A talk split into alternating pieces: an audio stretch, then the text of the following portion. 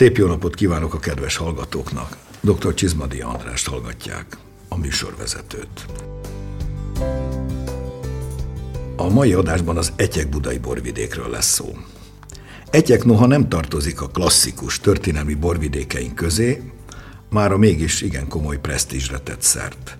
És bár borral régóta foglalkoznak a vidéken, az igazi felfedezője a Franciaországból éppen hazatért Törlei József volt, aki a pesgőihez keresett ideális szőlőtermő helyet, és éppen itt találta meg. Ez az 1880-as évek eleje. Innentől indul Etyek felívelése. Törlei, majd később a Hungarovin, aztán annak utódai, majd a váltás után Bátori Tibor akkor forradalminak számító friss, tiszta boraival hozta etyeket a borászati figyelem középpontjába. A történetünk innen indul. Lássuk, hol tart ma a borvidék. Tartsanak velem, szabadítsuk ki a szellemet a palackból.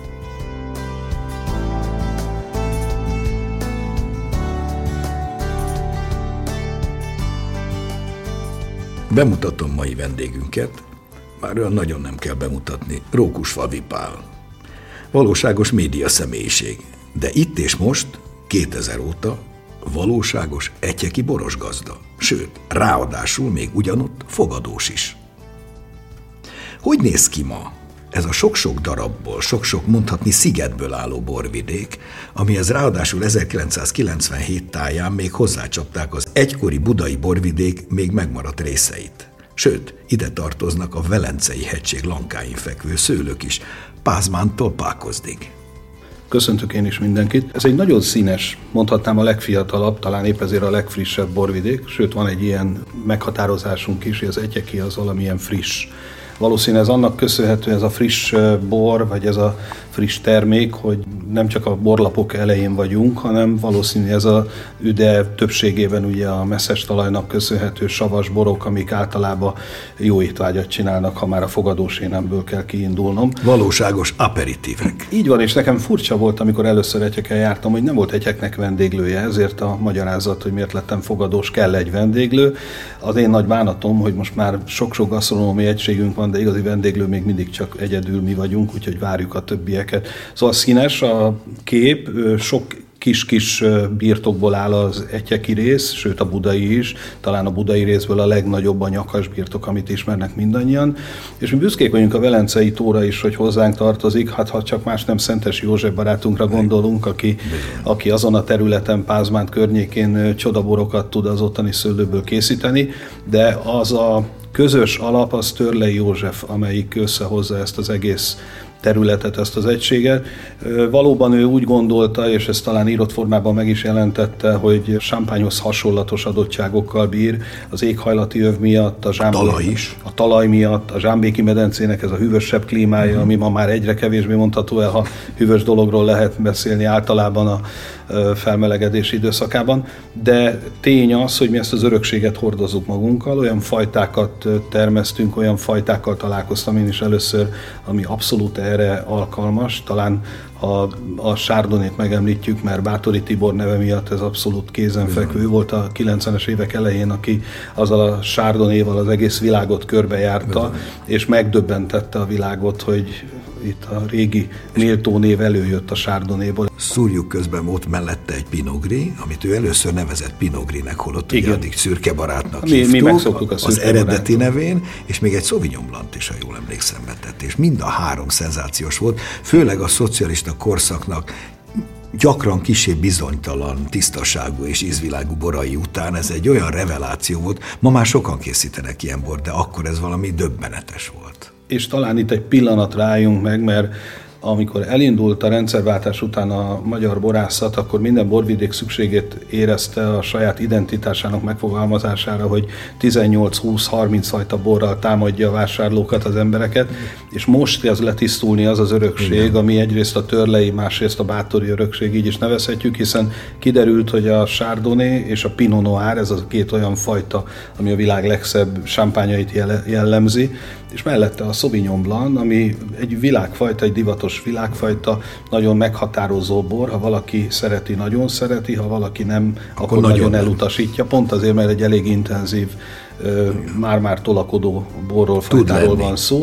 Ugyanakkor ez a szépségének is a titka, imádják a gasztronómiában, a vendéglőkben az emberek, mert könnyen olyan jegyeket tartalmaz, amivel felismerhető. Mi nekünk ez a három fő fajtánk, így erre sikerült szűkíteni az egyeki boroknak a kavalkádját mondhatom, hiszen 27 fajtából mi háromra esküszünk igazán. Igen, tulajdonképpen ez igaz, valóban, és ebben egyek nagyon is élenjáró, és nagyon jól áll neki ez a fajta. Minden változatban. Készül karcsú változatban, acéltartályosan, néhányan nekifutottak azért a fahordós érlelésű, kicsit komolyabb változatnak, a burgundi stílusnak. Erről fogunk hallgatni hamarosan beszélgetést, méghozzá Mérész Sándorral, az Etyeki Kúria főborászával, akivel Királyhegyi Zsuzsanna beszélgetett.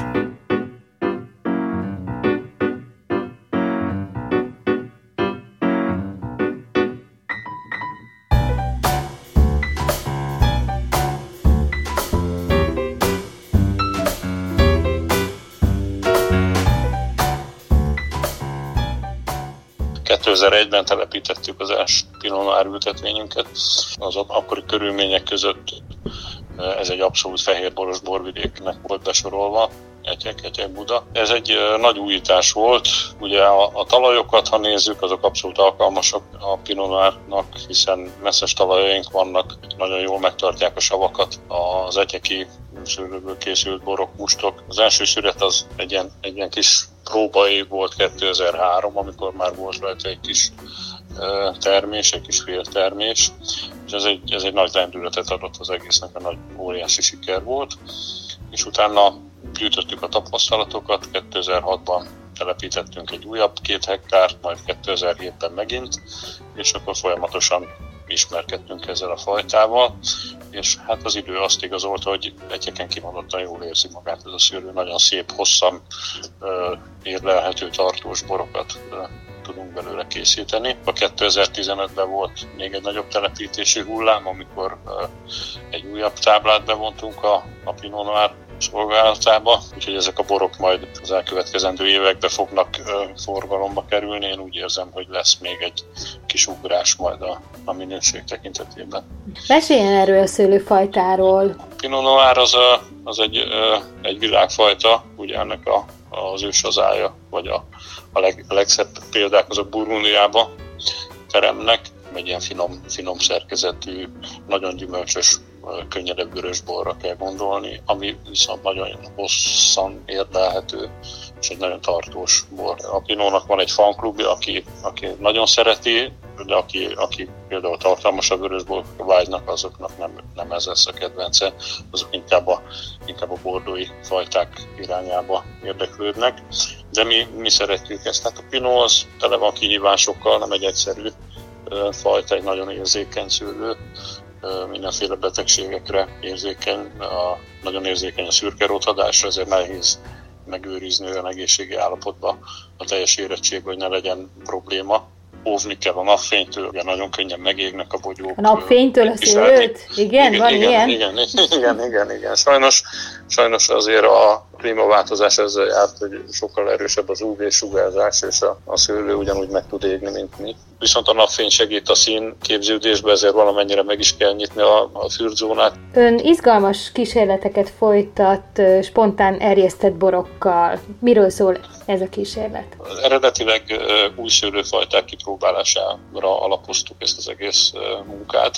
Az első az azt hiszem, ha jól emlékszem, egy zöld volt, illetve itt ki tudunk próbálni, vagy teret ad olyan, olyan borászati technológiákra, ami, ami nekünk nem a fő profilunk. És itt jött szóba annak idején a, ugye a vadélesztős erjesztés, vagy spontán erjesztések, ezek, ezek ilyen kis kísérleti tételek. Az egyik főfajta az a Sauvignon Blanc, ott már ez évek volt gyakorlat, hogy a, a teljes küvé egy, egy bizonyos százaléka az az nem spontán erjesztés, hanem vadélesztővel erjesztünk. Ezek nagyon érdekes kísérletek nagyon sokat hozzáad a borhoz struktúrában, illatban, zamatban, kicsit krémesíti a, a karakterét, de volt teljesen spontán erjesztésünk is, minden hozzáadott adalékanyag nélkül ilyen hozzáadottként sem volt benne. Gyakorlatilag a mi részünkről tapasztalatszerzés nagyon jól beépíthetőek egyébként a, a gasztronómiába.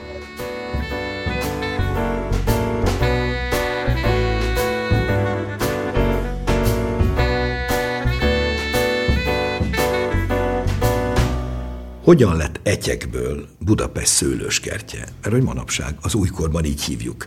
Ebben azért tegyük hozzá, hogy Rókusfalvi Pálnak mondhatnánk oroszlán része volt és van. Még felsorolni is nehéz azt a rengeteg rendezvényt, amely itt történik, Covid-mentes időben legalábbis. Etyeki kezes lábos, etyeki piknik, etyeki pincefesztivál, és még sorolhatnánk. Ezt a szlogent, hogy Budapest szőlőskertje, ezt Otrubai István találta ki, az Egyeki Kúria tulajdonosa, csak annyira ö, jól sikerült, hogy mi ezt ö, utólagos engedelmével tartalommal megtöltöttük, és így jött létre először az Egyek Pince Fesztivál, most már majdnem 20 évvel ezelőtt, illetve a Kezeslábos, Igen. ősszel Kezeslábos, tavasszal Pince Fesztivál, és aztán 10 év után elengedtük, és kezdtük a pikniket, majd sok-sok egyéb kiegészítő rendezvény volt ott a Libadalom, a őszi és tavaszi gasztrotúra, advent és sok-sok egyéb rendezvény, amire nagyon büszkék vagyunk. És azt is hozzáteszem, hogy ha már így meg lehet picit csillantani dolgokat, hogy tervezzük, hogy újabb mérföldkövet fogunk betenni. Még újabb Úgyhogy nézni kell, nézni kell a piknik utáni időket is majd a kedves uh, látogatóknak uh, most már nem kell sokat várni, és újabb uh, különlegességekkel állunk elő. Most már rég, régóta dolgozunk azon, hogy mi legyen egyeken, és ez a pandémiás időszak, hogyha szóba került, elmondom, hogy nekünk azért nem telt nyomtalanul el. Egyrészt alkalmazkodtunk hozzá, így alakult ki az Egyeki Picnic Light fogalma, ami egy Picnic Light kódexet tartalmaz, hogy lehet úgy rendezvényt tartani, hogy közben figyelnünk kell a, a mindenkori helyzetre, és ebben a magyar turisztika azért figyelt, hiszen a turisztika ügynökségnek erre kódexe ajánlása volt. De ugye nem online kóstolókat kell tartsunk nem, ezen túl. Nem kell úgy annyira ide, bár az elmúlt másfél évben sok mindent megértünk, még én online borvacsorát is tartottam, ami alatt azt kell érteni, hogy élőben közvetítettük a, a social media segítségével, és több százan egyszerre az általunk házhoz küldött ételeket vége megfőzve borokkal, És a hozzáadott borokat. És ezt közben a séfünkkel, illetve a fiam kollégámmal, aki a borászunk gyakorlatilag együtt tudta mindenki készíteni. Ez egy nagyon sikeres, több tízezer látogatottsággal bíró eseményünk volt. Tehát ilyenekre képes az ember, hogyha rá van szorítva. Ezzel együtt örültünk, hogy azért bort mégiscsak jobb életben és maszk nélkül fogyasztani, de azt gondolom, hogy ez sikerült. A következő időszakban mi ezzel fogunk elsősorban ezzel a fejlesztéssel, az új rendezvényekkel foglalkozni, és bízunk benne, hogy egyek népszerűsége az töretlenül megy előre. Beszéljünk arról, hogy a régi budai borvidék, ugye valamikor az klasszikus történelmi borvidékünk volt, és hát tudjuk azt, hogy ami a mai budai oldalra esett, Sashegy, Gellérthegy, hát azok a filoxérával kihaltak, aztán soha többet nem Egészen Budaörsig. Egészen Budaörsig. Nagyon-nagyon én ott nagy lakom, hogy ott, ott, ott, gyakorlatilag ugye az őszi barack és a szőlő vitatkozott egymással, egymással mert mind a kettő nagyon-nagyon és jó volt. Igen. Hát nagy téténytől úgy, hogy Szentendréig tartott ez a borvidék, meg itt kicsit a Zsámbék Vidéki medence, Buda Igen. környéki községek, csak hogy ezek ugye nagy egy része eltűnt, átvették a helyét a, az, a villák, villanegyedek, meg lakások, meg hasonlók, de mi, ma, a maradékot pedig hát jobb hiány, ugye 97-ben, ha jól emlékszünk, hozzátették, hozzácsapták az egyegi borvidékhez.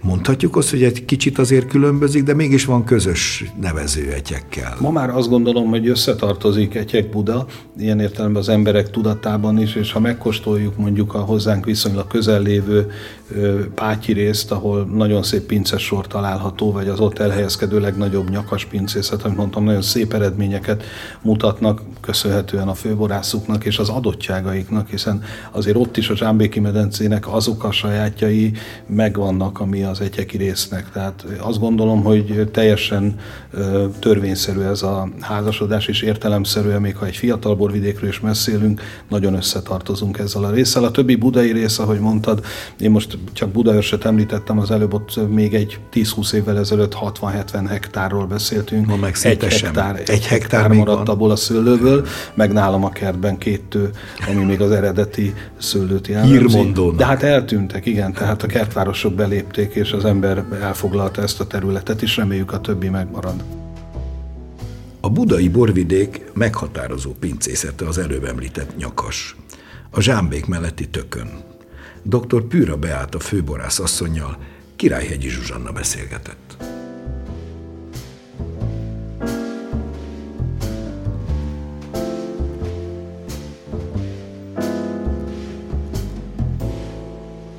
Az Egyek Budai Borvidék budai részéről és sajátosságairól önnek, mint főborásznak mi jut először eszébe? A mi borvidékünk a, a igen nagy múltal rendelkező, tehát a hagyományai, illetve hogyha nézzük, ez a hajdani budai sashegyi borvidéknek, ez a megmaradt fehérszülő termesztés szempontjából is nagyon kiváló adottságú területtel rendelkező borvidéke, és hát hogyha nézzük, hogy ugye a, a török hódoltság miatt ugye főleg vörös borok voltak akkoriban, itt volt ugye nagyon sokan mondják a kadarkát, a budai sashegyi kadarkát, emellett ugye más kékszőlők voltak, aztán ugye a budai emberek hiányolták ugye a fehér szőlőket, illetve hát a fehérborokat, és hát akkor itt jött be Törlei család, ugye a, a, a pesgő alapborok fehérborait adó, tehát a, a szőlői azok természetesen erről a borvidékről származnak. Érdekes borvidékünk van, mert ugye az egyek budai borvidék, hát ez ugye amikor kezdtem, hogy ez valamikor a Szenterétől Tétényig a Duna partvonalán elterülő hegyek, dombvidékeket foglalta magában, és ugye négy fő körzete volt a Szentendrei, a Budai, a Promontori és a Tétényi szőlők, és hogyha most nézzük, akkor mi maradt ebből a háromból? Három körzet van, a Budai körzet, az Egyék körzet és a Velence tavi körzet. És hogyha megnézzük azért a fajta szerkezeteket, vagy megnézzük a, a talajt, azért vannak különbségek, és egy kicsit szertalkozó de mégis, mégis egy összetett, érdekes, kicsiny borvidék. Az önök pincészetének a filozófiájáról meséljen, ugye rengeteg díjat nyertek. Mi a titka? Azt próbáljuk kihozni a szőlőből, tehát semmiféle olyat, ami olyan pluszt ad, ami nem a, ahhoz a szőlőhöz való, hanem mindenképpen a fajtának az adottságát kidomborítani, és ami a leges, legfontosabb, hogy a minőség megtartása. És azt gondolom, hogy ha ez így megvan, akkor, akkor innentől lehet építkezni, és hát azért ezt ugye nagyon könnyen mondjuk, de az évjárati sajátosságok miatt azért nagyon sokszor meg kell az elemekkel küzdenünk, de a, a minőség a leges legfontosabb. A díjak közül melyikre a legbüszkébb? Hát, érdekesek ezeket, a nemzetközi borversenyeken való elindulás, az, az azt gondolom, az már nagyon az elejétől kezdve itt a pincészetnél megvolt. Én 21. éve vagyok a, a pincénél.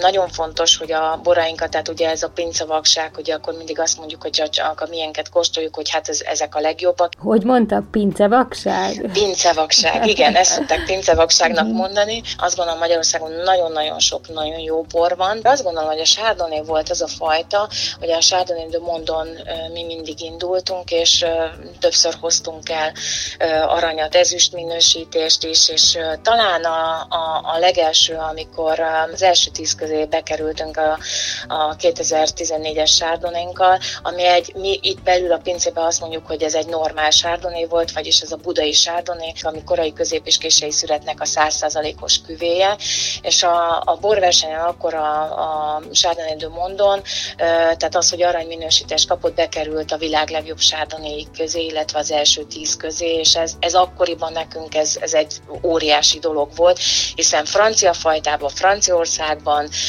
magyarországi pincészet, én azt gondolom, hogy ez egy, ez egy nagyon-nagyon jó dolog volt. Említette, hogy 21 éve foglalkozik már a borral, néhány éve az év borászai jelöltek között is ott van. Én amikor ezt meghallottam, és most egy kicsit így nyögvenyelősen mondom, de én annyira, de annyira örültem, hogy ténylegesen ugráltam örömömbe, amikor felhívtak, hogy benne vagyok, akkor ugye az első, az első hatos fogat volt, akkor volt ilyen, hogy két azonos pontszám miatt hat, nem öt, hanem hatan voltunk. Ténylegesen ugráltam örömömben, ugyanis én imádom a szakmámat, és annál nagyobb és szerencsésebb dolog nincs szerintem az életben, amikor az ember azt tudja csinálni, amit szeret, és akikkel én jelöltségbe ugye bekerültem, az, az egy, az egy, az egy hatalmas, hatalmas elismerés és megtiszteltetés.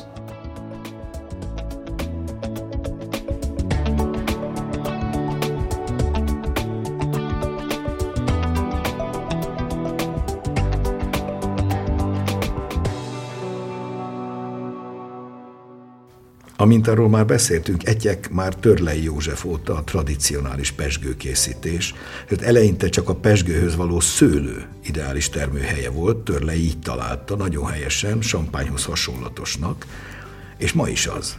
De újabban viszont egyre többen készítenek saját pesgőt is a pincészetek. Hogy állunk ezzel, hol tartunk? Én úgy látom, hogy ez országos láz, sőt a bubis italok után úgy látszik a világ újra a furmin tokajhoz, vagy a ás tokajhoz ragaszkodik, vagy a jufarka sonlóiakat jellemzi, talán a, a kadarka inkább a szexárdiakat, a Cabernet Franc villányt, hogy mi is kerestük, és egyébként mi a pesgő készítést tartjuk egy olyannak, ami, ami hozzánk méltó, és ami a mi részünk. Hát nem véletlenül találta ezt Törlei annak Igen, idején, igen, mert ahogy mondtam, a klíma, a talajadottság, a fajták mind jól érzik magukat, mindenki Ideális. foglalkozzon azzal, ami, amivel tud, és ami, ami neki Amiben jól nagyot tud hozni. És, és a törlei után, hiszen a Hungarovin folytatta, még ha más minőségben is a törlei hagyományt, azért ott egy 40-50 évet érdemes átugranunk, de kis birtokok, azok, akik mi ott vagyunk, 5-10-15 hektáros kis birtokok, elkezdtünk ezzel foglalkozni. Én magam egyébként 2000 2015-ben alapítottam ezt az Egyek 360 nevű szövetséget, akkor három, majd hét birtokkal. Az volt a javaslatom, hogy együtt a kúriával és a többiekkel kezdjünk el szakmai együttműködést, és ezzel a három fajtával kifejezetten foglalkozunk.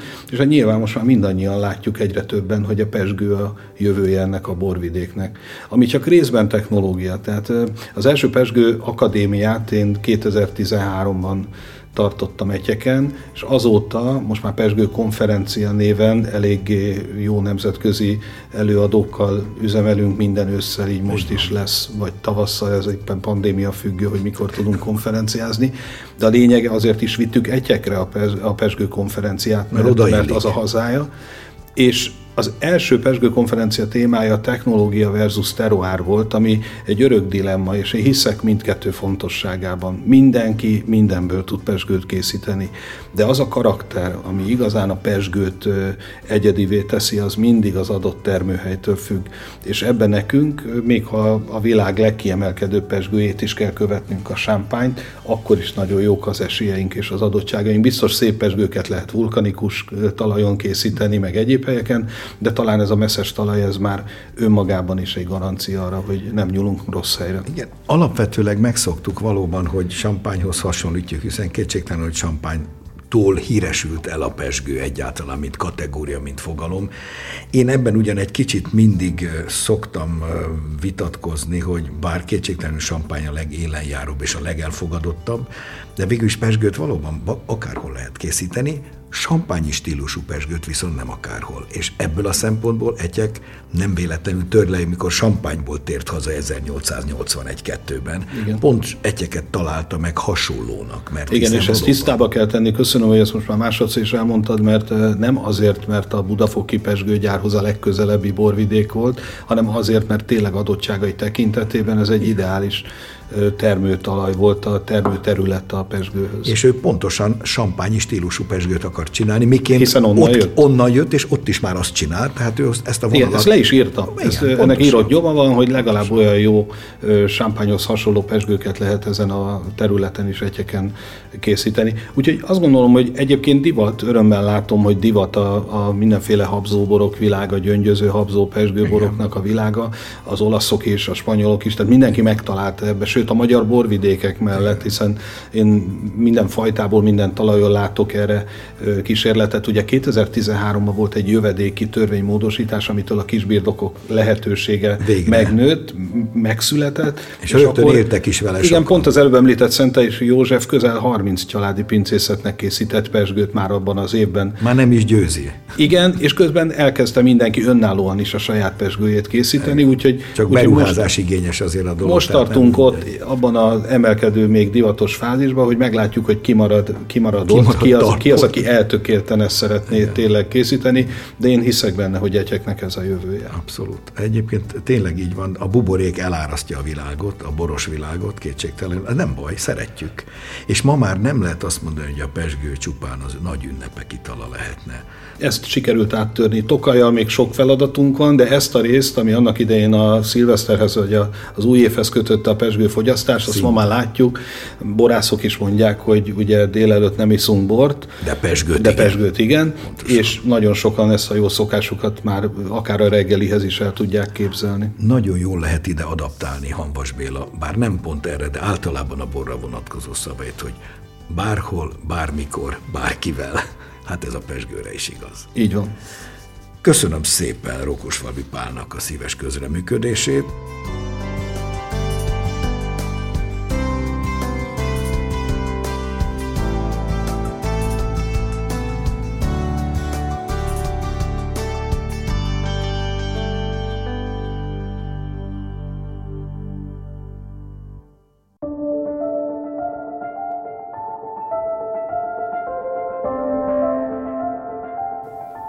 És most hallgassuk meg, mi újság a borok világában. A híreket Vajda Boglárka szemlézi.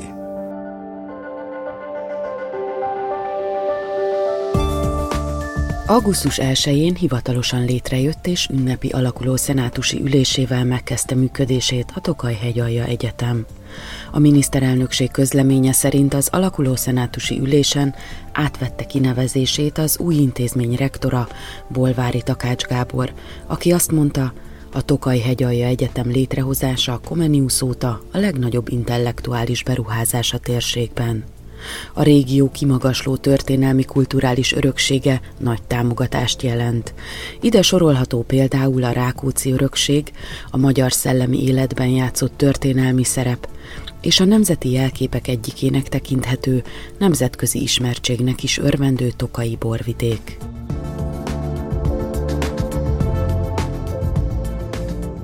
Sümegi oltalom alatt álló eredet megjelölést kaphatnak már az idei szürettől a csabrendeken, sümegen és sümegprágán termelt borok és pesgők, melyel új lehetőségek nyílhatnak meg a borvidék előtt, mondta az agrárminiszter a sümegi Jakab napokon elhangzott köszöntőjében.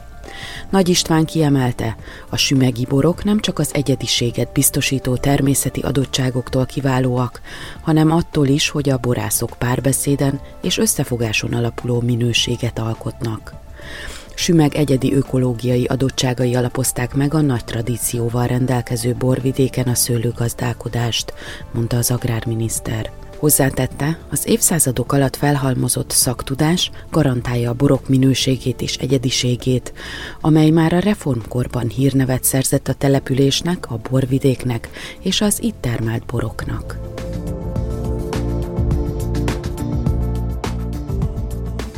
Száz éves hagyományt megszakítva döntöttek a szőlőtőkék közötti maximális távolság növelésének engedélyezéséről Franciaország világhírű borvidékének, Champagne-nak a szőlőtermelői. Az elmúlt egy évszázadban a szőlősorok között engedélyezett legnagyobb távolság másfél méter volt. A szőlőtőkék és sorok közötti szűk helyeken azonban nehezen férnek el a meccést, trágyázást és szüretelést végző gépek, egy 15 évet felölelő tanulmány szerint pedig a szőlőtőkék közötti nagyobb távolság 20%-os csökkenést eredményezne az üvegházhatású gázok kibocsátásában. A szakértők így arról döntöttek, hogy a jövőben 2-2,2 méter is lehet a szőlőtőkék között, és a jelenlegi 1,2-1,3 méter helyett akár két méteresre is hagyhatják megnőni a tőkéket.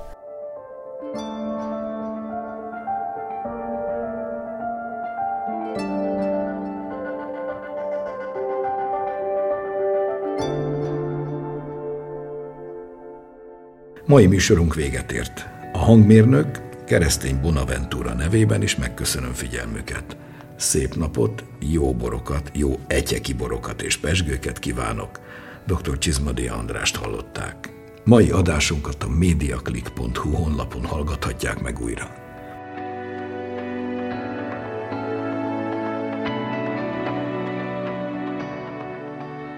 A műsort az MTVA készítette 2021-ben.